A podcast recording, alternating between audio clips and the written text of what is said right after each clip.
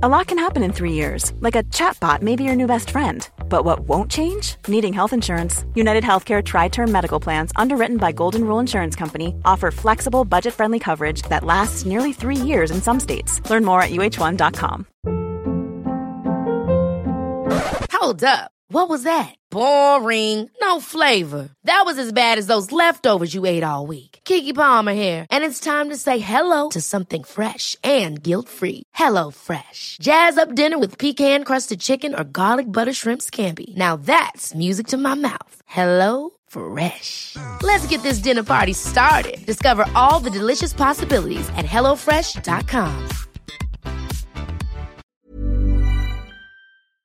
Hallå! Simon Gärdenfors heter jag. Och snart börjar min podcast Arkivsamtal.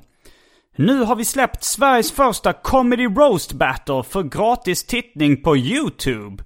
Det är jag och Anton Magnusson mot Ahmed Beran och Branne Pavlovic som möter varandra och säger fruktansvärda skämt om känsliga saker till varandra. Svinroligt säger folk i förbifarten. Ni hittar denna roast battle, mina fyra sitcom-avsnitt och mycket, mycket mer på YouTube-kanalen Specialisterna Humor. Nu i sommar uppträder jag också på tv-inspelningen av Släng dig i brunnens nya säsong.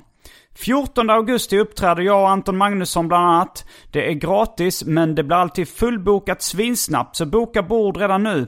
För vi vill gärna ha folk som gillar vår humor i publiken. Jag testkör min tredje standup-timme endast en gång i sommar och det är den 31 augusti på Lund Comedy Festival.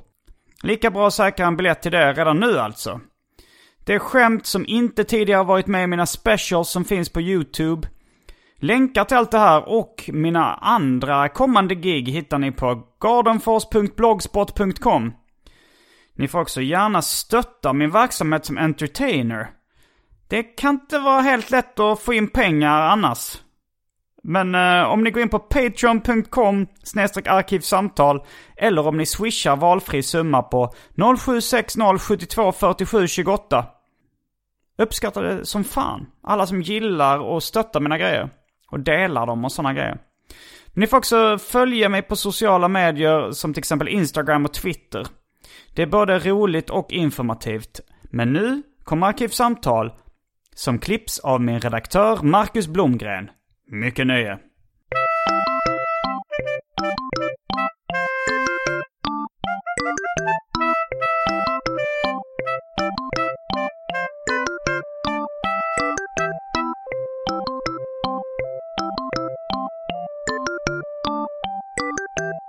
Hej och välkomna till Arkivsamtal.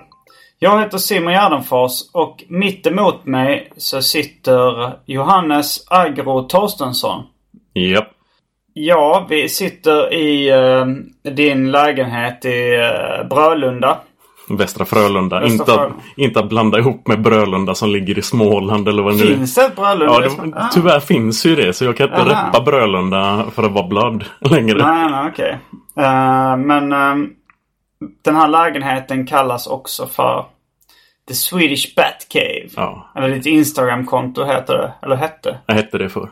Du har bytt namn på det. Ja, flera Okej. gånger. Nej men det heter ju Johannes Agro men jag har ju Okej. tagit paus från det kontot nu bara för sakens skull. Mm, men du, du är i viss mån läderlappssamlare. Ja. Eh, du samlar på grejer med Batman. Ja. Eller Läderlappen som han heter på svenska. Eller hette på svenska. Yes. Eh, och det är även eh, veckans tema på Arkivsamtal. Läderlappen. Jajamän. Eh, och eh, du är serietecknare. Ja. Det är ju det som är mitt huvudfokus. Det är ju därför jag har tagit eh, semipaus från vissa sociala medier för att koncentrera mig på mitt, eh, min albumdebut. Som då ska heta samma sak som mitt, eh, vad blir det nu, mitt 14 eller 13 fanzine Bord för en. Mm, du är serieskapare, du skriver manus och eh, det är självbiografiska serier. Ja, Men eh, det är inte bara det vi ska prata om idag. nej. Eh, kanske ska vi innan vi kör igång Ska vi ta en tidig välj drycken? Jag har haft väldigt sena välj drycken ibland på sista tiden. Mhm. Eh, då har det blivit dags för det omåttligt populära inslaget Välj drycken.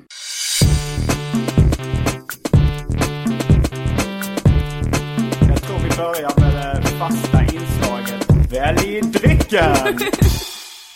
Och eftersom vi är i den svenska laddlappsgrottan så är det den svenske mannen Johannes Agro Torstensson eh, som presenterar utbudet. Ja, det, finns eh, kranvatten. det finns kaffe som vi måste koka. Eh, det finns mjölk som jag har i kaffet. Och... Du har väl inte det kaffet as we speak? nej, nej, jag är ju nykterist liksom. Jag har ju inget kaffe framme här men... Vad har det med ny- nykterism att göra? Nej men som att jag skulle lägga snabbt. Oh, just det, jag kom ju inte till den sista. Jag har ju vodka i kylen också. Ja, men jag menar mjölken kan du ha Ja, separat. ja men exakt.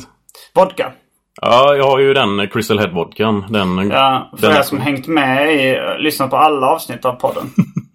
jag lyssnade, jag träffade en, eh, en kille uh, utanför Hemköp Skanstull som påstod att han lyssnat på 400 avsnitt av Arkivsamtal.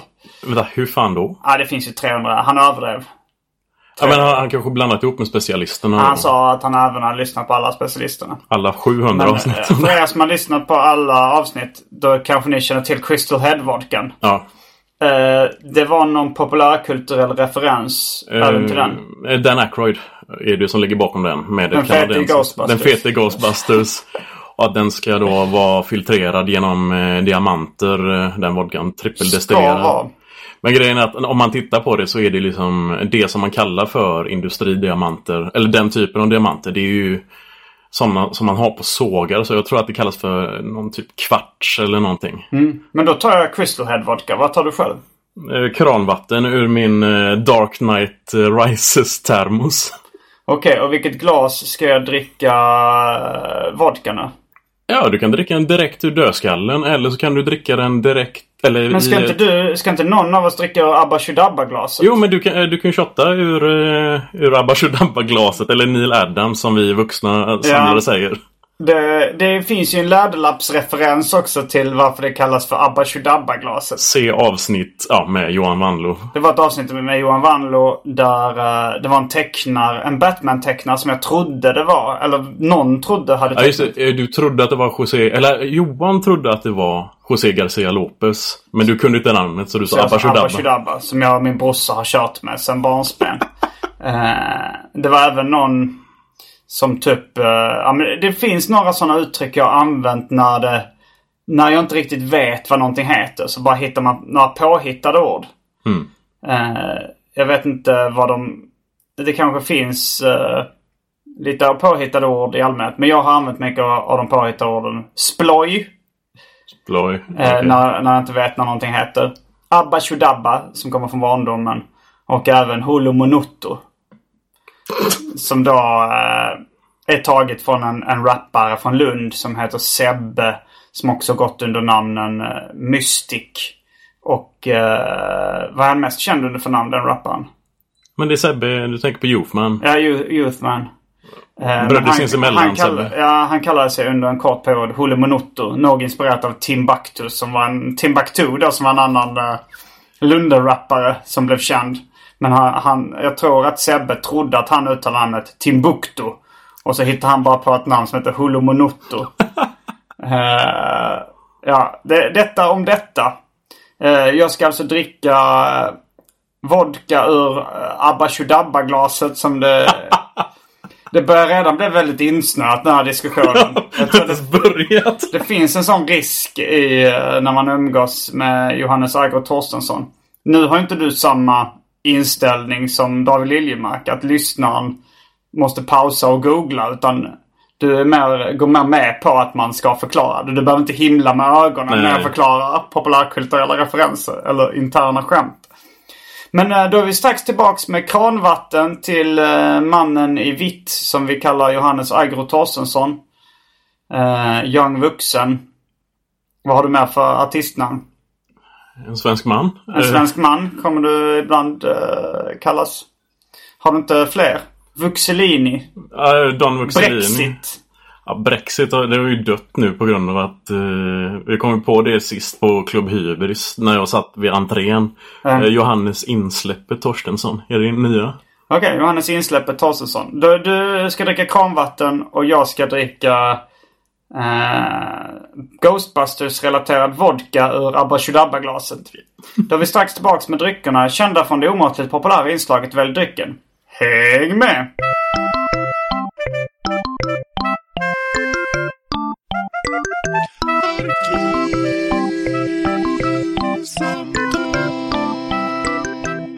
Okej, men då är vi tillbaks med dryckerna. Kända från det omåttligt populära inslaget Välj drycken. Transparent dryck från båda. Jo, den var rätt stark. Den här uh, Ghostbusters-relaterade drycken ur Abba Chudabba-glaset.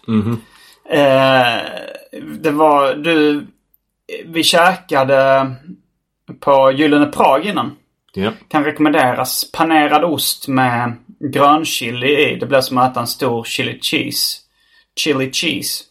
Och eh, då visar du... Det här var lite orelaterat. Jag tänker bara på Ghostbusters-relaterade grejer.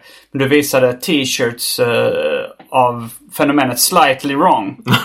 och där hade de t-shirts där det, där det var bilder på Ghostbusters och stod det Who you gonna telephone? Ghostbuster. och det var även... eh, det var även Tillbaka till framtiden stod Back to the, to the future. Och så var det ett citat som nästan var rätt. Som var Where we going uh, Roads, where we going we no- won't be needing them. Min favorit var ju ändå Terminator 2 eh, t-shirten eh, I will return Termination 2 Judgment Day. Fanns det någon Batman uh, t-shirt? Jag har nog sett det innan men då borde jag nog faktiskt ha slagit till för länge sedan. För jag, är nog beredd på att köpa pass. Men uh, ja, det, det skulle... Ja. Jag vet inte vad det skulle... Batman. Ja, fast det är mer parodi än slightly wrong-fenomenet. Men det skulle kunna vara The Black Knight Returns eller någonting. Mm. Eller The Dark Knight med utan K. Utan Knight med... Dark, ja just det, exakt. The Dark natt. Knight Return. The Dark Knight. eh, Och det hade ju varit en perfekt slightly wrong att det står The Dark Knight som i natt. Du tycker det är Och perfekt, return- Nej men och bara Return. Ja. The Dark Knight Return. Den vill man ju ha. Så jävla, du är så jävla nöjd över det. Jag kan fan designa deras Jag t-shirts kan nu. hitta på egna. Jag kan göra mina egna slightly wrong t-shirts. Sällskap, resa. Ja. Men eh, du är ju eh, en samlare och en kännare av uh, Läderlappen. Mhm. Hur började allting? Hur det började? Hur Eh, började Läderlappens eh, historia? Min historia med Läderlappen eller själva Läderlappens historia? Nej, Jag, jag tycker nästan vi börjar med hela alltet. Okej. Alltså jag skulle ju säga på något sätt att eh, den moderna superhjälten skapades i och med Stålmannen. Mhm. Siegel Schuster 38. Siegel och Schuster 38. Och eh, ko- inte lång tid därefter kom uh, laddlappen. Eh, mars 39 på första numret. Det var eh, så tidigt inpå. Ja, eh, på, Var det efter, eh, var det efter eh, Shazam, Captain Marvel, som vi har gjort ett specialavsnitt om? Ja, det är väl strax där i mittfåran skulle jag säga. För Shazam är väl en reaktion på, eller Captain Marvel som han då hette. Ja. Är väl en reaktion på, det är väl Fawcett Comics version. Ja, det är ju en version av Stålmannen skulle Ja. man kunna säga. Alltså de, eh, vi har gjort ett specialavsnitt om det med Johan Andreasson som snart återkommer till Arkivsamtal. Eh, då ska vi prata om Python. Oh! Men, eh, men, eh, ja men, jag hörde att förlaget fick Get me, Make me a new Superman ska de ha sagt. Ja, Enligt exakt. någon uh, rättegång. Men, men ja, Läderlappen är lite, lite längre ifrån Stålmannen. Men det var ändå liksom förmodligen sådär. Oj, det blev en succé med den här typen av uh, superhjälte. Jag tror det är ett, eh, det är väl ett, någon, någon slags period, vad är det, sju, åtta månader emellan något, sånt där. Och han är ju också en maskerad superhjälte till skillnad från uh, Stålmannen. Ja, ja. Men vad fanns det tidigare? Ja, i och för sig. eh, The Shadow var väl en, eh, en tidigare maskerad Ja, ja. hjälte. Men han hade inga superkrafter. Det har Jo, inte- han hade superkrafter. Han The hade, Shadow? Ja, ja. Han var ju, han kunde ju, han manipulerade och hade sig och... ehm, nu utgår jag ju från eh, spelfilmen från 93-94 där med Baldwin i huvudrollen. Men eh, ja, då är det att han kan ju som trixa sig med rök och mystik och sådär. Han Men, började väl som en radiofigur. ja, exakt. Och han, men men eh, jag, för, jag är inte helt säker på, för att han brukar inte räknas, alltså Stålmannen. The Shadow kanske är ännu äldre än eh, Stålmannen. Jag tror att det är 35-36. Det är Ja, något sånt. men Alltså, men det i är så ju fall varför 30-tal. räknas inte han då som den, den första superhjälten? Det undrar jag också. För att jag, jag tror inte han hade superkrafter. Jag tror han är den första vigilanten. För han, grejen är att han, eh, han dödar ju ändå. Han använder pistoler. Andra sidan Batman använder pistoler i de första numren också. För den delen. Batman. Batman ja. Men Batman har ju inga superkrafter. Eh, han är väldigt smart. Nej, det, ja, det, men det, han har, det har ju inga- han har blivit inga så över, liksom, Han är inte som Stålmannen eller, eh, eller eh, Captain Marvel. Han Att han har ju inga väl- super... Alltså han har... Alltså det minns... Han har väl inga speciella superkrafter. Han är väl en vanlig kille egentligen. Eller inte Ja, vanlig. vanlig och vanlig kille. Alltså hans, eh, det som är eh, running joke i Justice League och till och med i filmen. Att hans superkraft är hans rikedom. Och så att han är jävligt, Han är rik tät. och han är smart. Han, och han, vad är, är han någonting med? Alltså, Han är väldigt vältränad. Han är vältränad men att han då är eh, så tränad. Alltså han är ju liksom peak. Piken av liksom män, eh, mänsklig liksom, muskulatur och han är väldigt snabb när han springer. Han är inte lika snabb som Flash. Och han kan ju inte flyga. Men han har ju inga superkrafter. Men eh, sen så är det ju att han... Eh, vad de då säger är ju att han då är den... Mm, han alltid är förberedd och att de nu för tiden kallar det för liksom en superkraft. Att Men- alltid vara förberedd. Ja, ja han, han är som en scout på det sättet men liksom att Han han, är alltid kan... redo. Men då har man ju devalverat ordet superkraft. Ja, nej men eller hur. Men det är ju det också att... Han det, följer de, eh, de fem P'na. ja, Proper preparation prevents poor performance. Förstklassiga förberedelser förebygger förskräckligt framförande. Jag trodde inte vi skulle ha en alfabetisk akrobatik throwback där men okej Simon. Eh, Men det är ju just också att eh, i och med hans popularitet så har det blivit ett sånt argument som alla de här liksom, den här rabida Bat-fansen säger som att han kan att han bemästrar 128 kampsporter.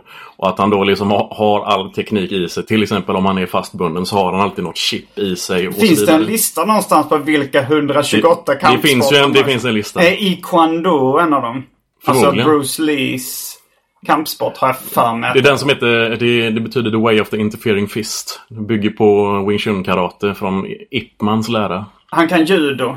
Ja, Aikido. han kan nog till och med judo bättre än dig. Eh, jag har blått bälte. Han har nog tre svarta. Eller jag, jag tror kanske jag hade grönt bälte med tre gröna streck.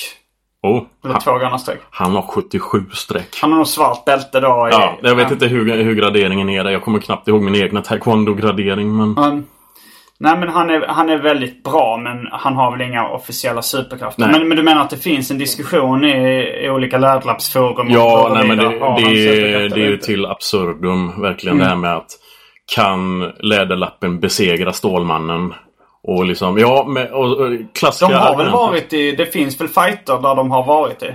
I den här som jag The har Dark på... Knight Returns. Ja. Det var ju den första stora fighten men den, den bygger ju då på en mörkare story där Stålmannen har blivit government puppet och han styrs ju av presidenten. Och eh, Läderlappen har blivit en... Eh, han är ju i stort sett en terrorist. Han är Det ju... är då Frank Millers... eh, Ja. Frank Miller som jag... Är osäker på om jag har hälsat på honom eller om jag bara har träffat honom, varit i samma rum.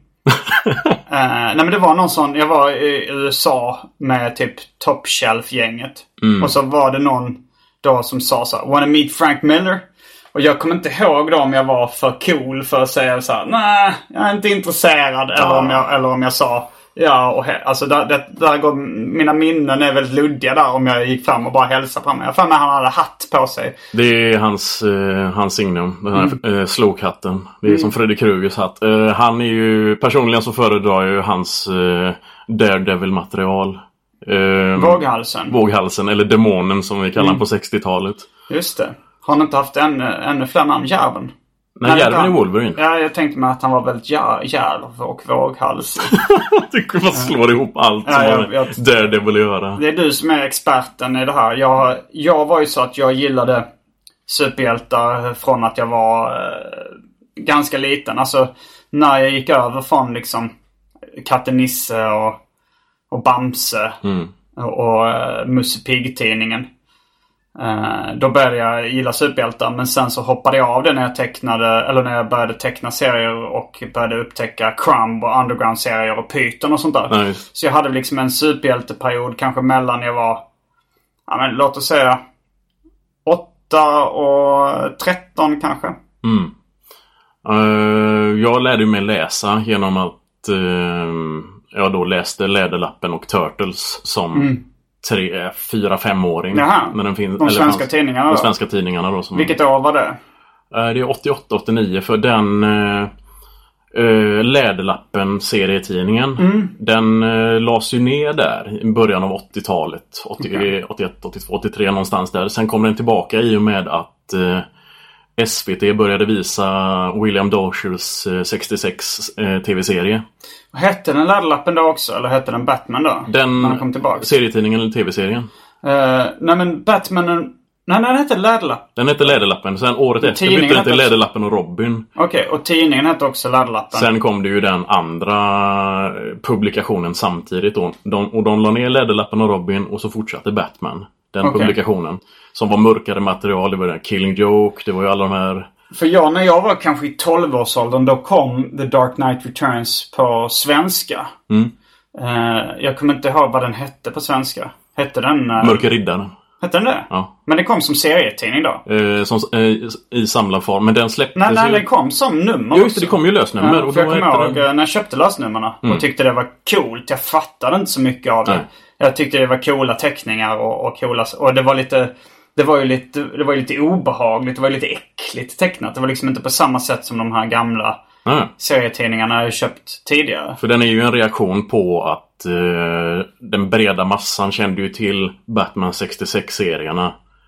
Eller eh, tv-serien. Mm. Och sen så var det ju då att det var ju ett bra tag då den hade en sån eh, eh, fjantstämpel. Men sen så var det ju Danny O'Neill och då Neil Adams, eh, vars glas du dricker från nu. Mm. Som gjorde ju en mörkare take på den. Eh, som då, eh, Innan Frank Miller. Ja, det var ju just att då blev det ju väldigt mycket fokus på eh, detektiven eh, Batman. Liksom när han slåss mot en, en, en förintelseöverlevare som dödar gamla mm, maffiagubbar som då är gamla nazister som har flytt och så. Och eh, Så han är på nazisternas sida. i stort sett i det numret. Väldigt, väldigt kontroversiellt. Mm.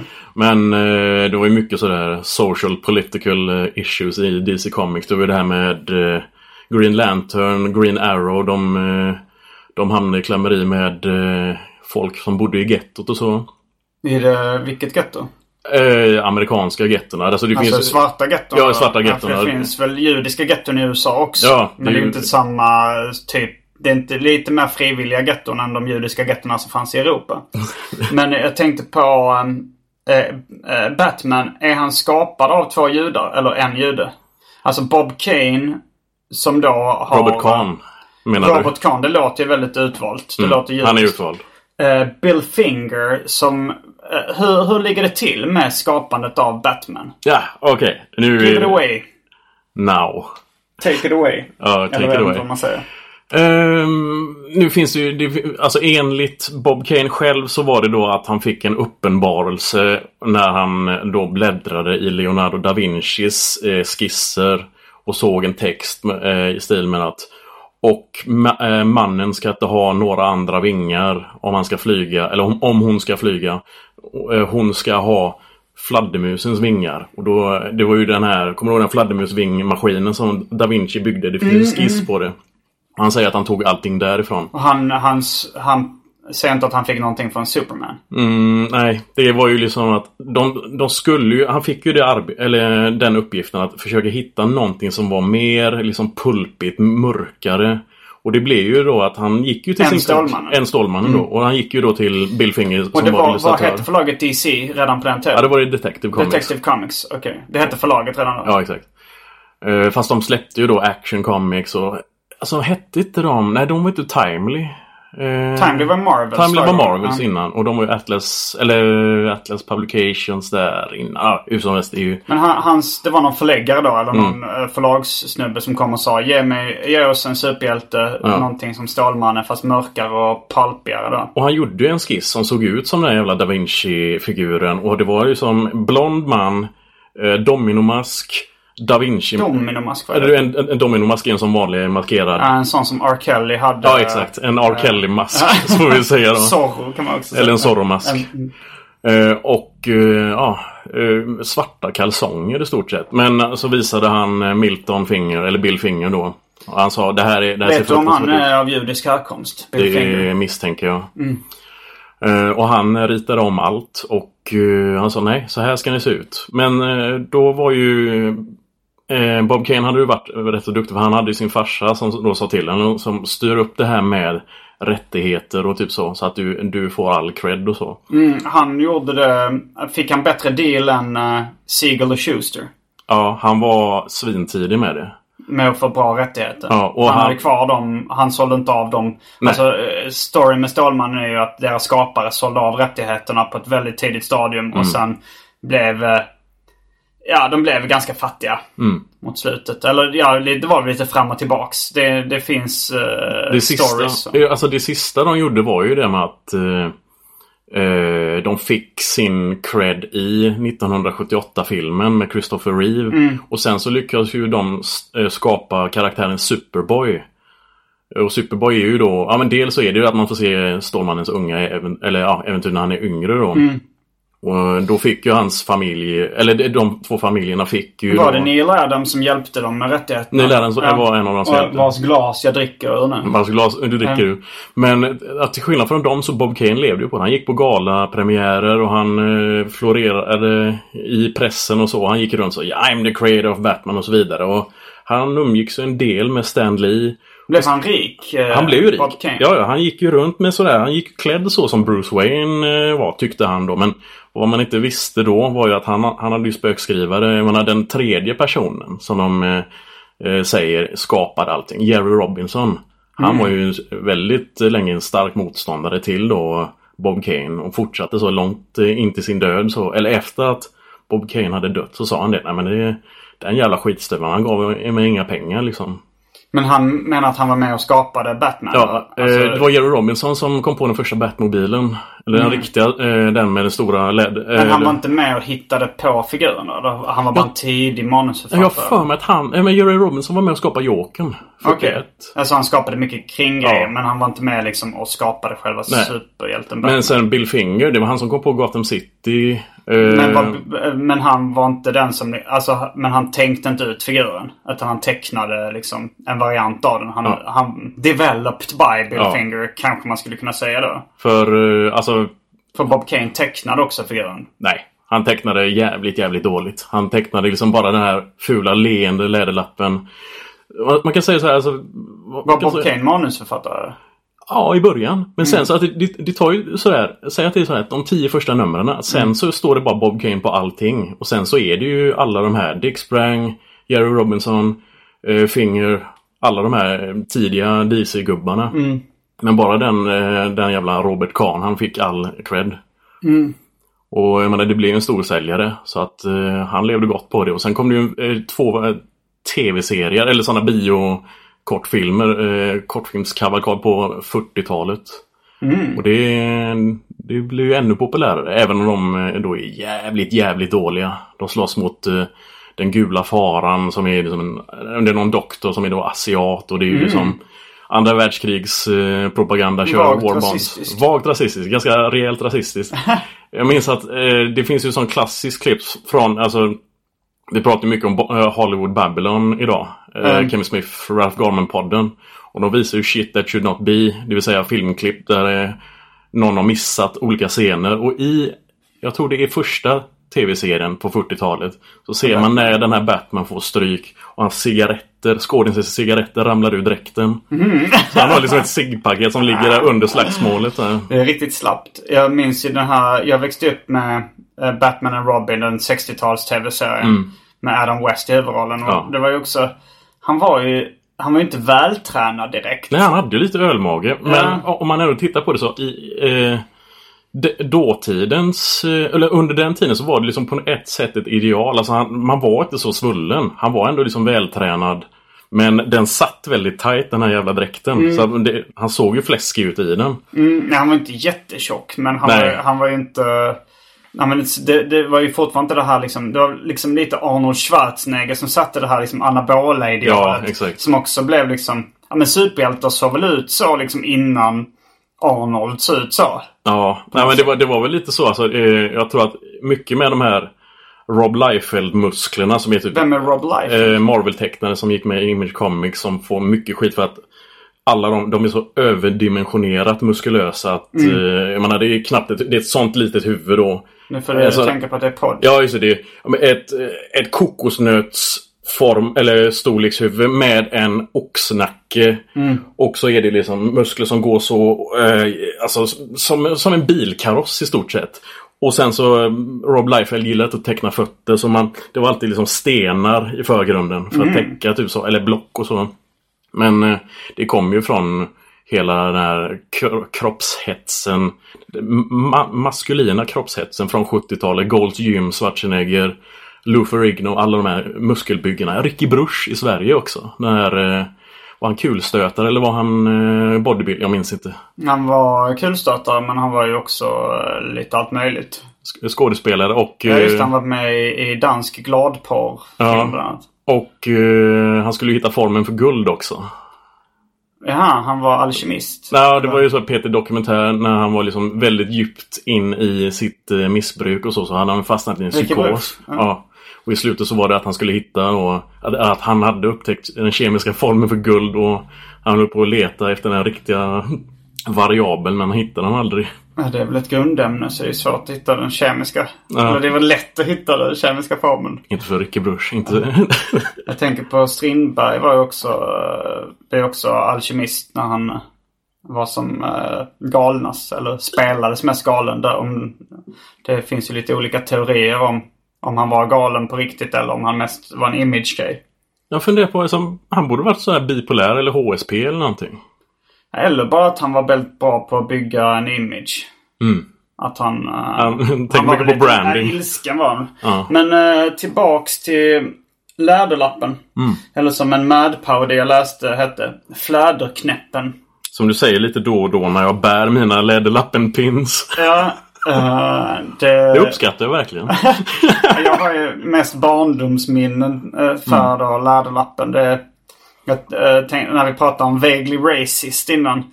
Så är det en återkommande, återkommande minne där det var en barndomskompis som när vi pratade om, när vi upptäckte att nu är det triggervarning för folk som har, har problem att, att höra provocerande. Ja, n-ordet. Eh, när vi fick reda på att eh, Bob Kane att tecknaren bakom Batman, eller skaparen hette Bob Kane, så sa han Bob Kane, det låter som en fet neger som spelar jazz. Och det var även samma kille som eh, när sen eh, när sen The Dark Knight Returns, den, den gick som serietidning då i, på svenska, i svenska. Och så då blev det något av liksom en entusiasm bland eh, unga superhjältefans. när uppföljaren kom. Som Ja, ja det, det var då det skulle komma en uppföljare till det som jag kommer ihåg de började teasa lite om i, i serietidningarna. Eh, som då på engelska heter Batman Year One. Men eftersom eh, min kompis inte var så bra på engelska så eh, tolkade han det som Batman Year Own. Eh, ja, det var, det var någon annan kompis faktiskt. Sjung, inte sjung, sjung sången nu. Sjung sången. Ja, han, han blev så peppad att han komponerade en e- egen liten sång som han gick runt och sjöng och taggade sig inför det här släppet då som var Batman, Batman, Batman Ear Own, Batman, Batman, Batman Ear Own, Det är inte uh, East Area Rapist Original Night Stalker. Ear On, Ear, Ons. Air Ons. Nej, nej, men det här har, har vi nog pratat om med um, specialisterna på Ja, tror jag.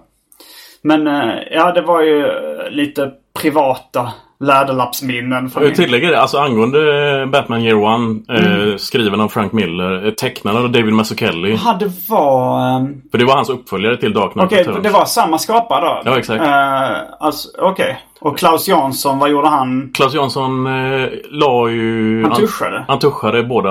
Nej, eller han tuschade inte. Jag tror inte han tuschade Year One. När han tuschade The Dark Knight Returns? Men det är ju de tre, eller just då Frank Miller och Mazzucchelli, deras Daredevil-nummer är ju det springer cirklar kring eh, Men läderlappsmaterialet. det var nog också det som jag... Alltså för när jag blev intresserad av superhjältar. Då var det ganska mycket med också eh, Daredevil. Eller som jag trodde han hette då. Daredevil. Och vi får med allihop nu. Det är så jävla bra. Det är ju alla de här som vi gått och snackat om. Alltså det är. Min Och, min, och när, jag, när jag var så peppad på det så var Mm. det min, min ordvitsiga morfar. Han, han kom ju med så usla ordvitsar. Eh, och han då, när jag pratade om Daredevil. Då hittade han på Darra om du vill. Riktigt kast. Men eh, Ja, just det. det Alltså- är långt från, Darra om du vill är långt från Daredevil. Men eh, Kommer du ihåg, alltså det kom ju en långfilm med Ben Affleck när han spelade Daredevil.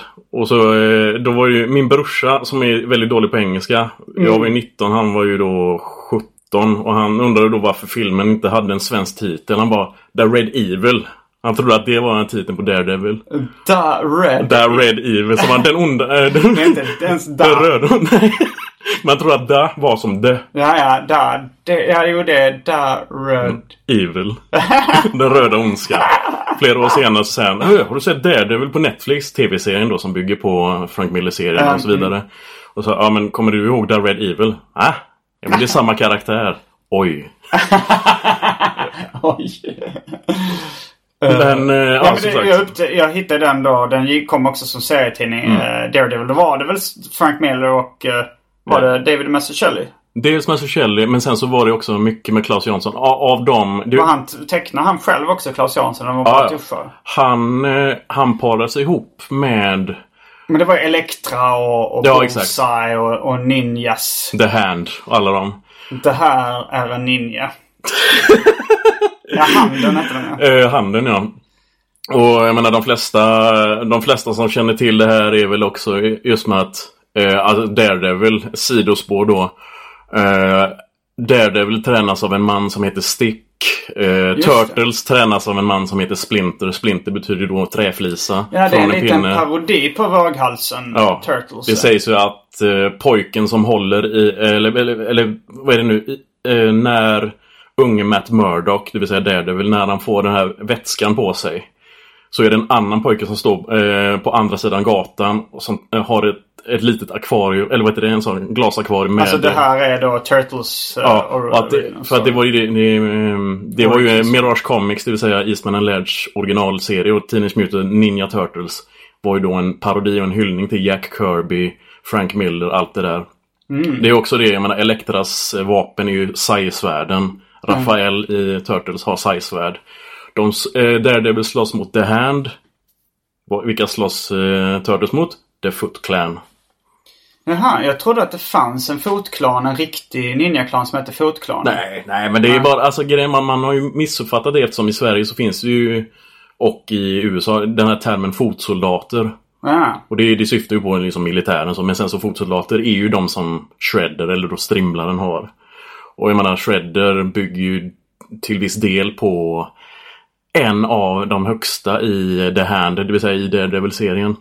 Nu finns det ju faktiskt en väldigt bra Batman-serie där Batman och Turtles slåss tillsammans. Så det, Va? Ja, ja, den har kommit nyligen. Men nu, de har till och med gjort en tecknad film på den också.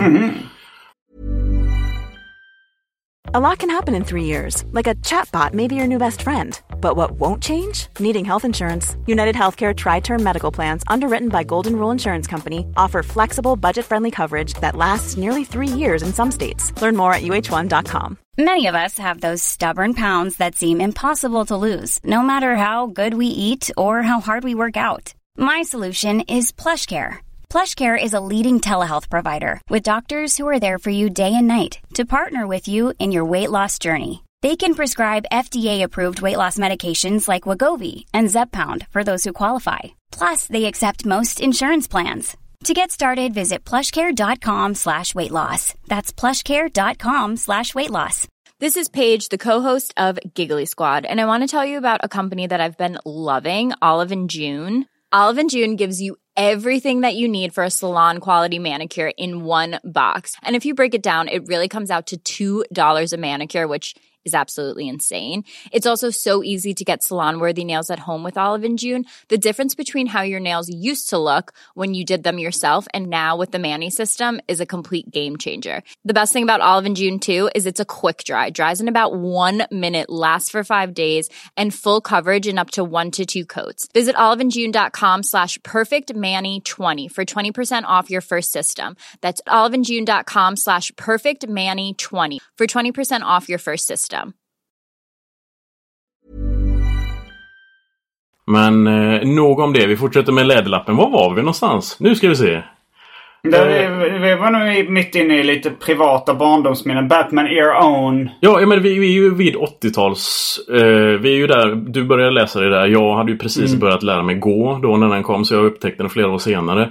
Men 89 kom ju den första riktiga läderlappsfilmen. Eh, som man kunde ta på all allvar i alla fall. Ja, eh, den med Michael Keaton. Ja.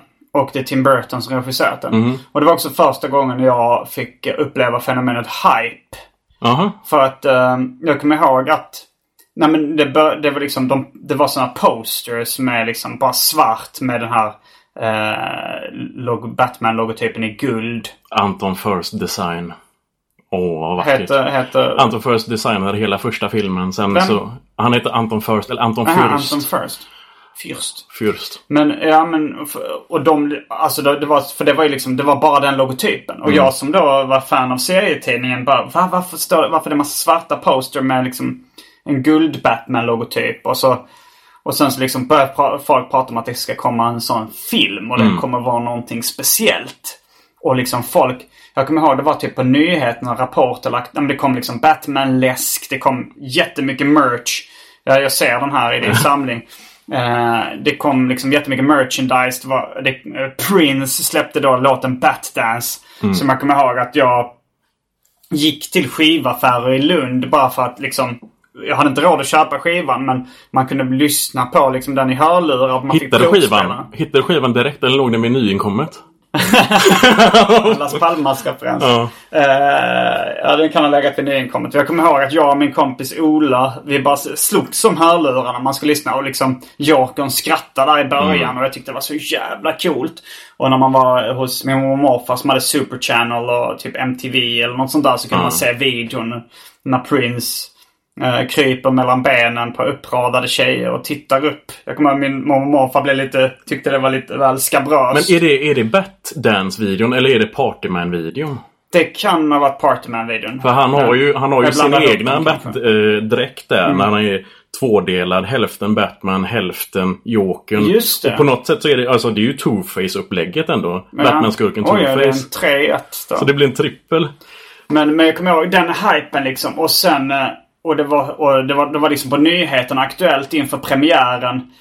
eh, Som jag då inte heller hade. Jag hade nog inte åldern inne, jag hade nog inte råd att se den liksom. Men då var det folk som liksom hade rakat in Batman-logotypen i nacken. Så det var så i Sverige också? Ja, det var sån hype liksom. Att, och de intervjuade folk och liksom de stod i kö. Och Jag tänkte, alltså det var ju sån hype för att det var ju, det var ganska få som var såna här Batman-fans som jag och mina kompisar var. Men nu blev det ju att det blev sån liksom, det blev stort även bland eh, vanliga svenskar så att säga. Eh, och sen fick jag se filmen piratkopierad från någon turkisk VHS eller någonting. Alltid turkisk VHS. Men det, var, ja, men det var väl någon som hade filmat Ja, ja, eh, sådär. Men, men jag kommer ändå ihåg att det var inte bara liksom kvaliteten på, på kopian som gjorde mig djupt, djupt besviken. utan det som gjorde mig djupt, djupt besviken var Det här är ju en vanlig film. ja, men jag hade tänkt mig att det skulle vara någonting ut, Någonting jag, jag, jag, tänkte så här, det, för jag hade aldrig upplevt hype innan. Så jag tänkte jag, det här kommer vara så, jag kommer inte ha sett någonting liknande innan. Och, du, och här- det var en film? Ja, men det, var så här det var dialog. De satt och pratade. Jag tänkte... Jag trodde verkligen min hjärna skulle explodera liksom. Jag tänkte det här kommer vara... Ja men det här kommer vara så sjukt. Alltså det här kommer vara... Och sen bara... Ja det var väl okej men det var en vanlig film. Jag hade förväntat mig så mycket mer. Jag blev djupt, djupt besviken. Jag minns ju Summer of Batman. Alltså det är nog första gången som jag hör dig prata om Summer of Batman från din synvinkel. Jag Ja. visste inte att det var den hypen på det sättet. I Sverige. I Sverige. Det men- kallades Summer of Batman. Ja, alltså. det, det hette ju det som fenomenet. Och vilket år? 89? 19, eh, 89, som juni och framåt. Den kom till Sverige i Så jag var oktober. ju då 11. typ. Ja, Ja. jag var fem. Mm. Och jag minns ju när vi gick runt på Nord, i Nordstan, Femmanhuset och allt. Mm. Man såg affischen överallt. Vi var inne på Hennes och Mauritz och åkte upp för... Men eh, hur, hur kom det sig att de satsade så stort på det? Visste de att det skulle bli så, så poppis? Alltså, det var- det var ju Jag har aldrig sett den typen av hype innan. Nej men det var ju som i och med att eh, jag vet, jag vet inte fan om det var sån stor hype men alltså vi hade ju SVT1 och SVT2 Ja. just med att det gick på SVT och att folk började läsa sådär, ja. Så, så jag menar det Men det måste ju varit i ju. USA också. Ja men det var ju ännu större där. Det var ju Men, men gigantiskt. hur fan, men vem var det då som, vilket filmbolag var det som satsade så jävla stort på den? Warner Brothers. Okej, men de, det- de fattade att det ska, eller de bara tänkte nu, nu satsar vi skiten ja, det här liksom. och det är ju tack vare en man som heter eh, Michael Uslen som då var det runt 79-80 så skrev han en sån här eh, en uppsats om hur man skulle kunna liksom göra en franchise av en superhjältefilm. Mm. Och han pitchade det då till Warner Brothers. Och så var det någon som läste den och så började de diskutera då. De läser nu uppsatsen. Ja, eh, men han ska ju Alltså då det ha... finns en sån mästarplan bakom. Ja, det, alltså grejen är att eh, då, den dåvarande planen då var ju så här Någonstans 79-80 Peter O'Toole skulle spela Jokern, Bill Murray skulle spela Batman. Wow. Att det skulle vara en mörk... Eh, alltså grejen är att det, de skulle då rida på hela den här hypen kring Superman, Christopher Reeve, alltså den första filmen då. Och sen eventuellt, det var ju lite så planerna, att de kanske träffas senare i en gemensam film. Batman och Stålmannen. Ja. Eller Läderlappen och Stålmannen. Ja, om man ska vara konsekvent. Ja. Exakt. Eh, Men eh, Michael Uslen står tillsammans med Benjamin Melniker som producent bakom alla de spelfilmerna som man sett på Och det var han som skrev den här uppsatsen. Ja. Och det finns ju en annan sån klassisk story med att han eh, då försöker att pitcha och liksom Vi behöver en ny Joker, Peter O'Toole vill inte göra den. Och han då ser någon, eh, en tidningsartikel där han, det är någon affisch för Ja men det är så eh, tv-tablån. Och så är det en bild på Jack Nicholson från The Shining. Och han bara får för sig, vänta lite, ta en tippex och ritar över. Där har vi våran Joker. Jack Ritar över vad? han, han ritar äh, Tippex på Ja, Jack blir Nicholson så- ansiktet. Ja, så att det blir, är ja. ja. Mm. Och eh, jag menar, Jack Nicholson ville inte göra rollen men han pratade med Marlon Brando, sin gode vän. Mm. Eh, båda samlar ju på konst och varit i Hollywood-orgier tillsammans. Mm. Och jag menar, Marlon Brando tjänar ju svin mycket pengar på Superman. Han är väl med i sådär 7-8 minuter eller någonting. Vad gör han för roll i Han spelar ju eh, pappan, han spelar ju Jor-El. Mm. Och eh, han var ju svinslapp. Man ser ju till och med att han bara gick in någon dag och spelade in. Och man ser ju att hans Rolex-klocka sitter på honom när han lägger ungen i, i raketen. Typ så. Men då sa han det. Shit that shouldn't be. Shit, that shouldn't be. Ehm, och eh, han sa ju det, men se till att du får, eh, liksom, du ska begära det här beloppet och du ska ha den här, de här intäkterna och så. Och jag menar det är därför liksom Jack Nicholson står som första namnet på samma sätt, eller i 89-filmen, på samma sätt som Marlon Brando står 78 i Superman-filmen. Alltså för, den första som dyker Ja. upp. Sen kommer Michael Keaton, sen kommer Kim Basinger, sen kommer de alla på rad. Då. Jaha. Och det är också så, antar jag, att eh, han fick med sin gamla superpolare Tracy Walter i en roll också. Eh, han spelar Bob the Goon som då är liksom, han är ju andre man för Jokern. Okej. Och eh, nej, eh, jag såg inte den 89 men jag minns hypen som sagt. Eh, Jag kan ha sett den 90 då ja, liksom. Minns det var då den började komma på VHS. Jag såg den 90, 91. Nej, jag tror jag såg den 90 och jag var alldeles för liten för att liksom ta in slutscenen. Jag blev så chockad. Det är ju då den här, spoiler alert för en 30 år gammal film, kära lyssnare, men eh, Jokern dör ju. Jack Nicholson eh, faller ner från det här kyrktaket och man hör honom skratta för han har en skrattpåse på sig. Och jag förstod inte det att han låg död men man hörde skratt. Och det, det var en, väldigt obehagligt i mitt huvud. Å andra sidan, vad fan jag såg Hur gammal var du när du såg den? Så? fem sex år. Det satte djupa spår. Sen så kom ju Batman Return 92. Och det var också en sån snackis för att ingen av oss hade åldern inne för att se den. Eh, också Tim Burton, väldigt mörk, väldigt kontroversiell med, eh, med ah, McDonalds ville inte ha leksakerna för att det var en S&M eh, monster. 92, Batman 92, Returns. Batman den Returns. minns jag ändå. Jag, jag, kan, jag tror inte jag såg den på bio. Men då Mm. var jag ändå... Men då kanske jag till och med... Hur gammal var jag 92? Men jag är född 78. 14. Eh, 14, 14, Ja, 15. för jag minns den ändå. Mm. Men, jag, men jag, jag, då hade jag nog hoppat av mitt superhjälteintresse tror jag. För eh, vi, alltså jag kände ju till den filmen för att det var en kompis. Alltså dels så såg jag alla dokumentärgrejer så som visades på MTV, Making Off och Cinematic och allt vad det nu hette. Redan då började de göra program som inte handlar om musik. Men eh, MTV at the Movies, kommer jag ihåg. MTV at the Movies var ett program också. Men då var det... Min kompis hade eh, köpt den på... Eller han hade fått den på VHS, hyrvideo av sin pappa. Och han berättade hela storyn, hela handlingen för oss eh, på rasterna. Och vi tyckte det var jättecoolt. Sen så fick vi låna den då. Jag tyckte den var helt okej men det var, sen såg jag då den här väldigt kontroversiella figuren som eh, fick McDonalds att liksom ta bort leksakerna. Och det var ju då Michelle Pfeiffers Catwoman. Och då var det någonting som väcktes inom mig. Men Det som var sexig. Ja, det var någonting där. Mm. Det var, jag har väl bara känt så med... Eh, innan dess så var det väl Jessica Rabbit i Who Framed Roger Rabbit och eh, den väldigt porträttlika Anita Morris i en Rolling Stones video. Eh, det är någonting med kvinnor Jag minns det på, alltså jag fick det när jag läste Spindelmannen med Black Cat, Felicia Hardy. Den, eh, Mm. Felicia Hardon menar du? Ja men det var, det var då liksom när jag kanske var, men precis Mm. i puberteten. Så var de, de var mycket svarta katten eh, Ja. i Batman. Ja, jag- alltså, Eller jag- nej, nu pratar jag Spindelmannen. Spindelmannen, ja. Nej, men de- de är ju de är så lika varandra verkligen. Men sen så har... Black Cat och... Black, alltså båda är ju juveltjuvar men sen så är det ju liksom lite olika. Hon har ju superkrafter. Eh, Black Cat. Hon har ju någon slags... Mm. Men vad liksom- heter Black Cat och, och Catwoman? Catwoman, ja. ja. Mm. Men eh, hon har ju den här olycksgrejen som hon gör att... Eh, ja. Nej, vi ska inte gå in på det. Vi ska Nej. inte gå in på det. Vi fortsätter med... Eh, ja, Animated Series som du ser är liksom huvudstommen i min samling. Det var ju där, jag menar vi bodde i England ett tag och där gick ju Animated Jag har Series inte på hört TV. så mycket om din period i England. Hur Nej. gammal var du när du åkte dit? Eh, när jag åkte dit, jag var 24 och det var väpnat rån. Nej, jag, eh, jag bodde ju där. Vi åkte... Jag, jag, det är ju en sån grej som jag sagt väldigt många gånger. Att jag bodde i England.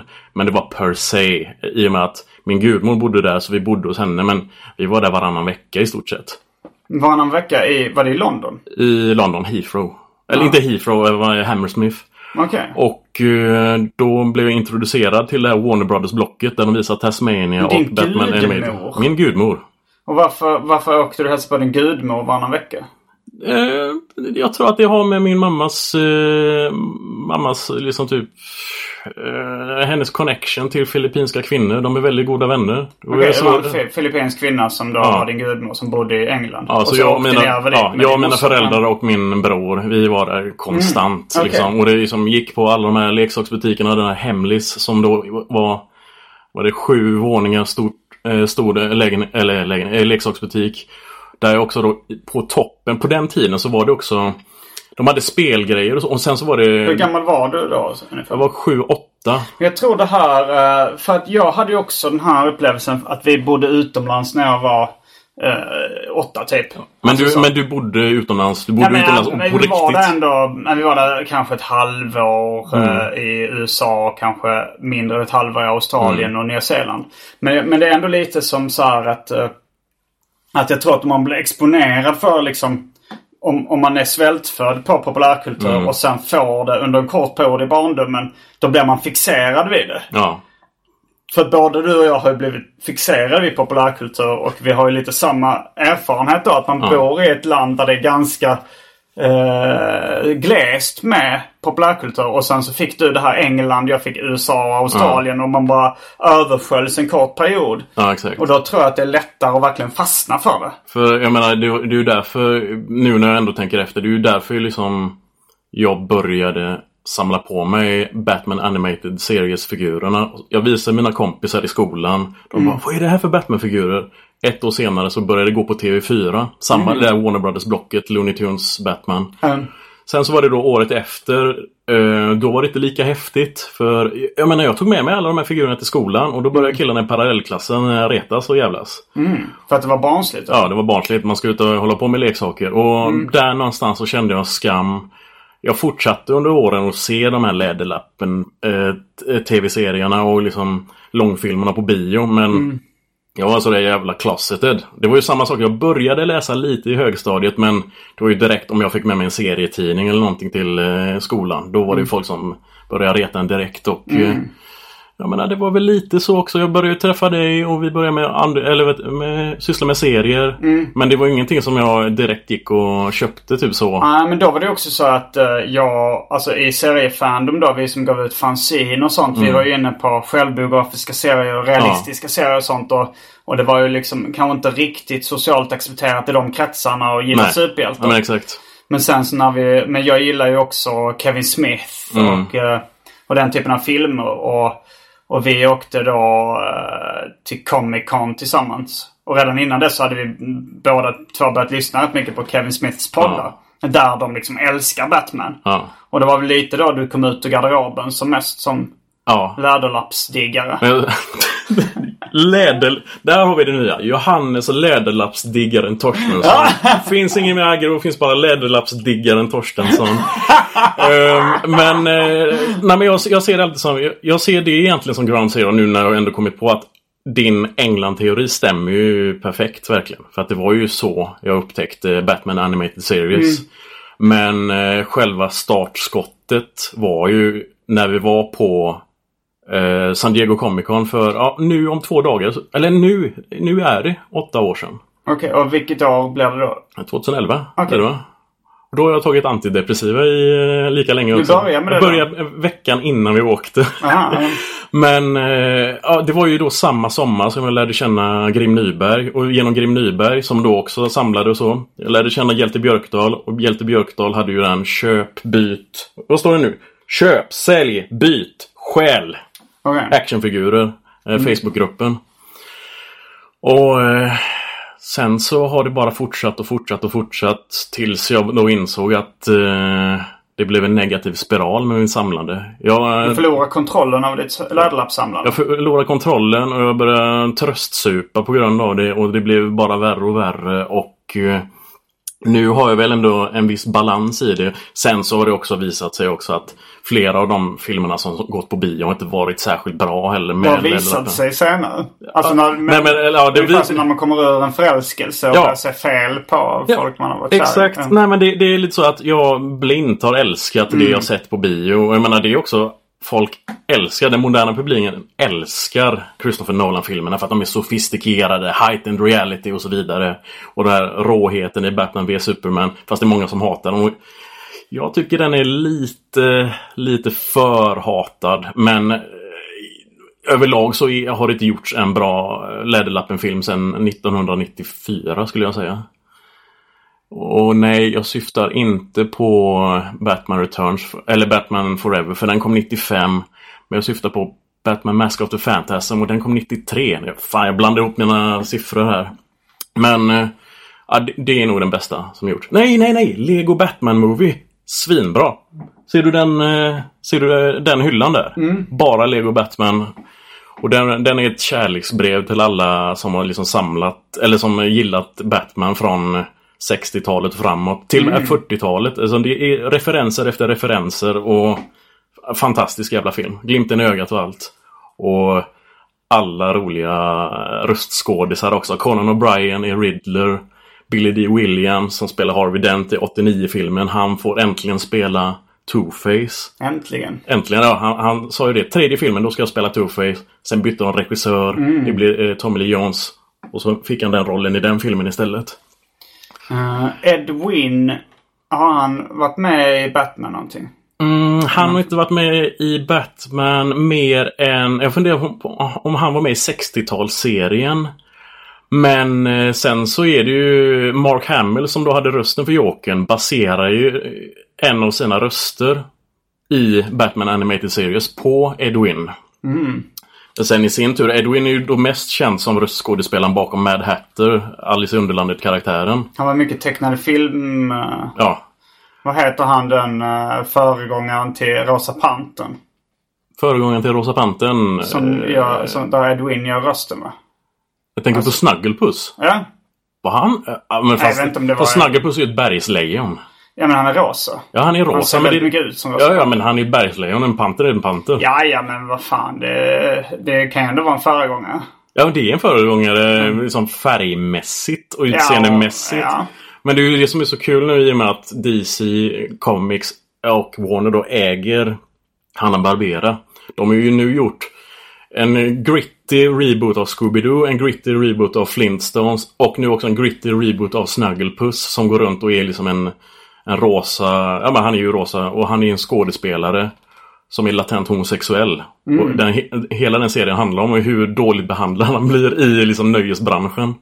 Du som eh, du samlar på det mesta läderlappsrelaterat. Mm. Det var så jag fick. Jag samlade på katten Nisse och jag saknade bara ett nummer som jag hade blivit av med eller eventuellt inte köpt. Eh, och du hade den. Åh, du har ett extra nummer här. Jajamän, det fick jag tag i Eh, efter. nummer två 1991. Där är ju då eh, Catman. Uh, Nisse utklädd till Batman. på. Men en annan eh, favorit som jag som var, gick på tv. Det danska tv-programmet Doxedrängen. Åh. Där är faktiskt Batman med också. Har du sett det? Alltså jag har hört dig prata om Doxedrängen så många gånger att jag var tvungen att kolla upp det och det slog mig. Jag såg det där på sommarlovsmorgon. Mm, när du var liten. Mm. Och jag tyckte det var så jävla fett. Nu har inte jag sett det efter, jag bara kollar upp det, men jag har inte sett Mm. ett helt avsnitt efter det. Men jag, nu när du säger så har jag ett vagt minne om att han bara dök upp där och bara, Jag tyckte det var så, wow, crossover-avsnitt tänkte jag. När Batman dök Ja. upp. Och, han, och, det är någon reporter som frågar. Är det sant att du och Robin är bössor? Alltså det vill säga, är det sant att ni är bögar? Och Batman svarar. Fullständigt korrekt! Åh herrejävlar! Apropå uh, latent homosexualitet som du var inne på nyss. Ja. För det, det, det, det är väl ändå en diskussion som har pågått väldigt länge. Mm. Om Batman och Robin eh, var bögar. Ja, det börjar med, och nu går vi tillbaks till fem- 40-50-talet. Vad heter han? Dr. Frederick Wortham, eh, Seduction of the Innocent. Ja, han, det var en uh, vetenskapsman, frågetecken. Han var doktor i alla fall. Ja. Som skrev en bok då om, om tecknade serier framförallt. Det var ju ett portalverk inom moralpaniken skulle man väl kunna säga. alltså man brukar ju ta upp honom när man pratar om moralpanik. Ja.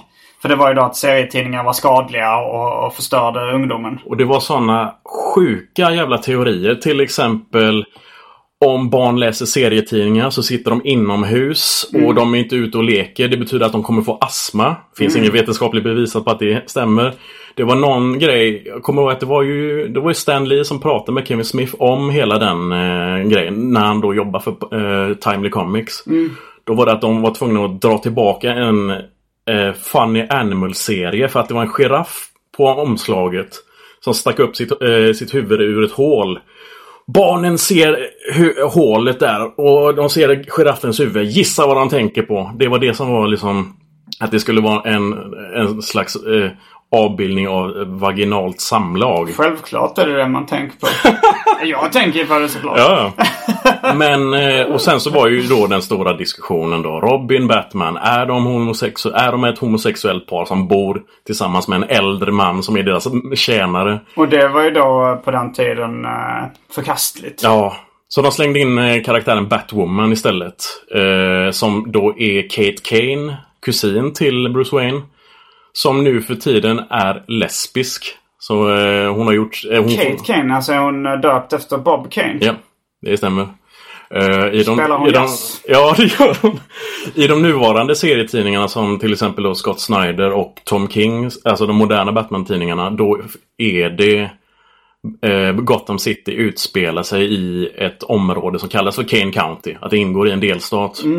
Jag säger inte vad det är, men det heter i alla fall Kane County och det står mycket Kane i bakgrunden. Och alla de här gatorna heter sådär. Ja men det är 114th eh, O'Neill, ehm, Adams och så vidare. Abba Shudabba. Ja, Miller, Jansson och så vidare. Ehm, Frank Miller har blivit lite kontroversiell på sista tiden. Kanske speciellt efter han gjorde Holy Terror. Som var då en... eh, eh, det handlar väl om eh, The War on Terror. Det handlar om eh, terrorister. Och det var ju inte vagt rasistiskt utan ganska grovt. eh, Har du läst den? Har du tittat på den? Jag har bara hört talas om den. Jag har Alltså- tittat lite i den.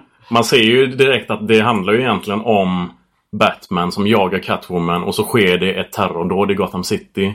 Fast jag tror att det heter... Ja, det är en Batman-tidning. Ja, alltså, nej, men, Har eh, DC godkänt den? Nej, det är ju, alltså den är ju släppt på egen... Den är släppt via... Jag tror det är Lionsgate, filmföretaget, som då producerat 300 av de här filmerna. Ah. Att de, start, de släppte den själva. Men om Var man det för att den var för rassig för DC eller? Vad? Ja, eh, de vill inte släppa den. De vill inte ta i, i den med tång. Men om man tittar på karaktären så är karaktären Catwoman kallas för, eller hon heter Nat. Det kan man ju då översätta till Cat. Nat och de hoppar Cat. på hustak liksom. Och att hon är en juveltjuv. Men eh, huvudkaraktär eller huvudhjälte, eller huvudpersonen kallas för The Fixer och det ska vara Batman. Mm. Batman pratar med en poliskommissarie eh, kommissarie med mustasch och glasögon och bara, ah, okej, det ska vara Gordon. Men han får inte heta det. Så de skickar den här hjälten då efter, super, eller efter det här terrorattentatet till Afghanistan där han dödar en massa araber. Då är det någon som säger Allahu Akbar och han säger Gesundheit och slår honom på käften. Och så. Eh, serien hette egentligen Holy Terror Batman. Men eh, det gick ju inte igenom. Sen eh, Frank Miller var väl döende i stort sett i leukemi. Aha. Så han fick, en som en sista hurra, så fick han skriva eh, The Dark Knight eh, 3. Det vill säga den tredje uppföljaren.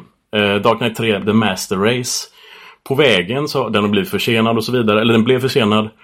Men han lever fortfarande? Ja, han lever. Grejen är att på vägen så blev han friskare. Så Ja. det blev nio nummer och nu så håller han på att arbeta på den sista. Det ska komma en fjärde del. Är de bra? är fruktansvärt dålig. Så jävla snyggt tecknad men eh, jävligt, jävligt, jävligt korkad. Eh, väldigt mycket sådär snygga Easter eggs. Väldigt mycket eh, väldigt, väldigt trogen till källmaterialet men så jävla idiotisk bara. Eh, men eh, den På handlar ju... vilket sätt är den idiotisk?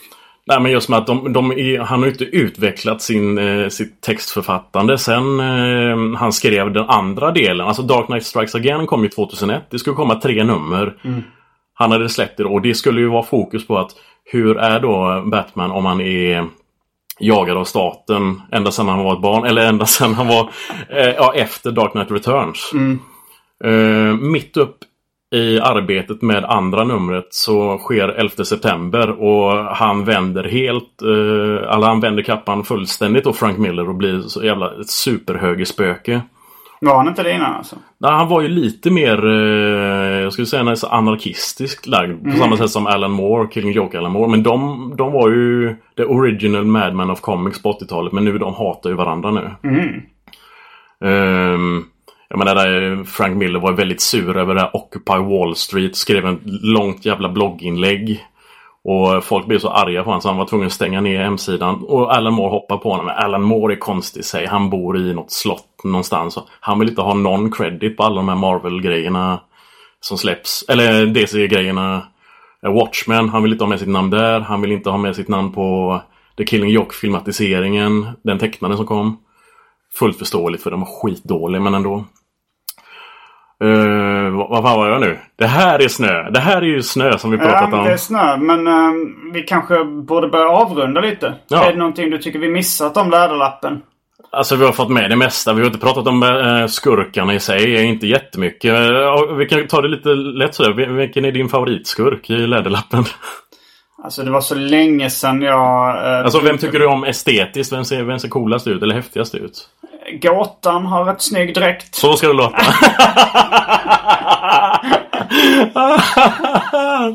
Eh, Sen kan vi tillägga det. Alltså, mm, det är ju... Jag pratade lite om Two-Face. Eh, när jag fyll, samma år som jag fyllde 30 så var ju Simon i Japan. Just det. Och eh, han köpte en väldigt, väldigt fin Batman The Animated Series eh, Mint on Card. Eller det vill säga mock.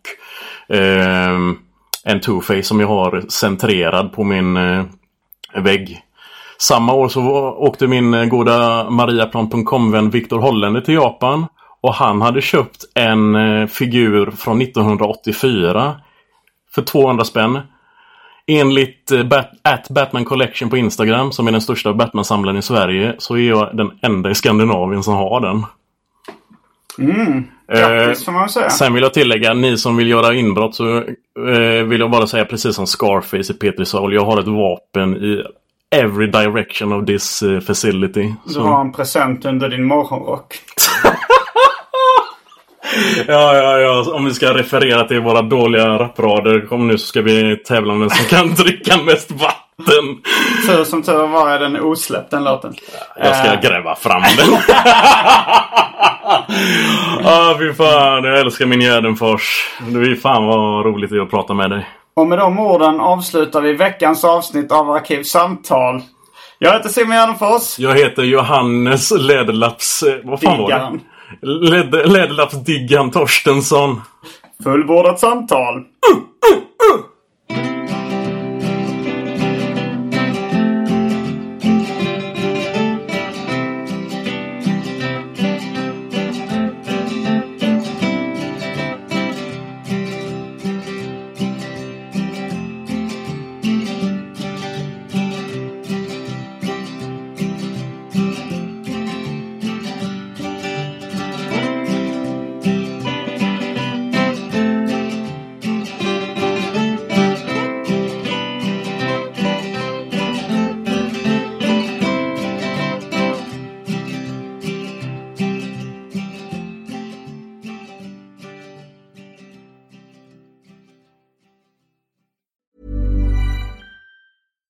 catch yourself eating the same flavorless dinner three days in a row? Dreaming of something better? Well, HelloFresh is your guilt-free dream come true, baby. It's me, Kiki Palmer. Let's wake up those taste buds with hot, juicy pecan-crusted chicken or garlic butter shrimp scampi. Mm. Hello Fresh. Stop dreaming of all the delicious possibilities and dig in at HelloFresh.com. Let's get this dinner party started. Planning for your next trip?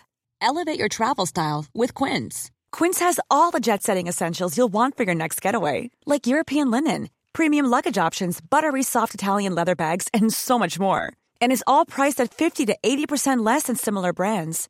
Plus, Quince only works with factories that use safe and ethical manufacturing practices. Pack your bags with high-quality essentials you'll be wearing for vacations to come with Quince. Go to quince.com slash pack for free shipping and 365-day returns.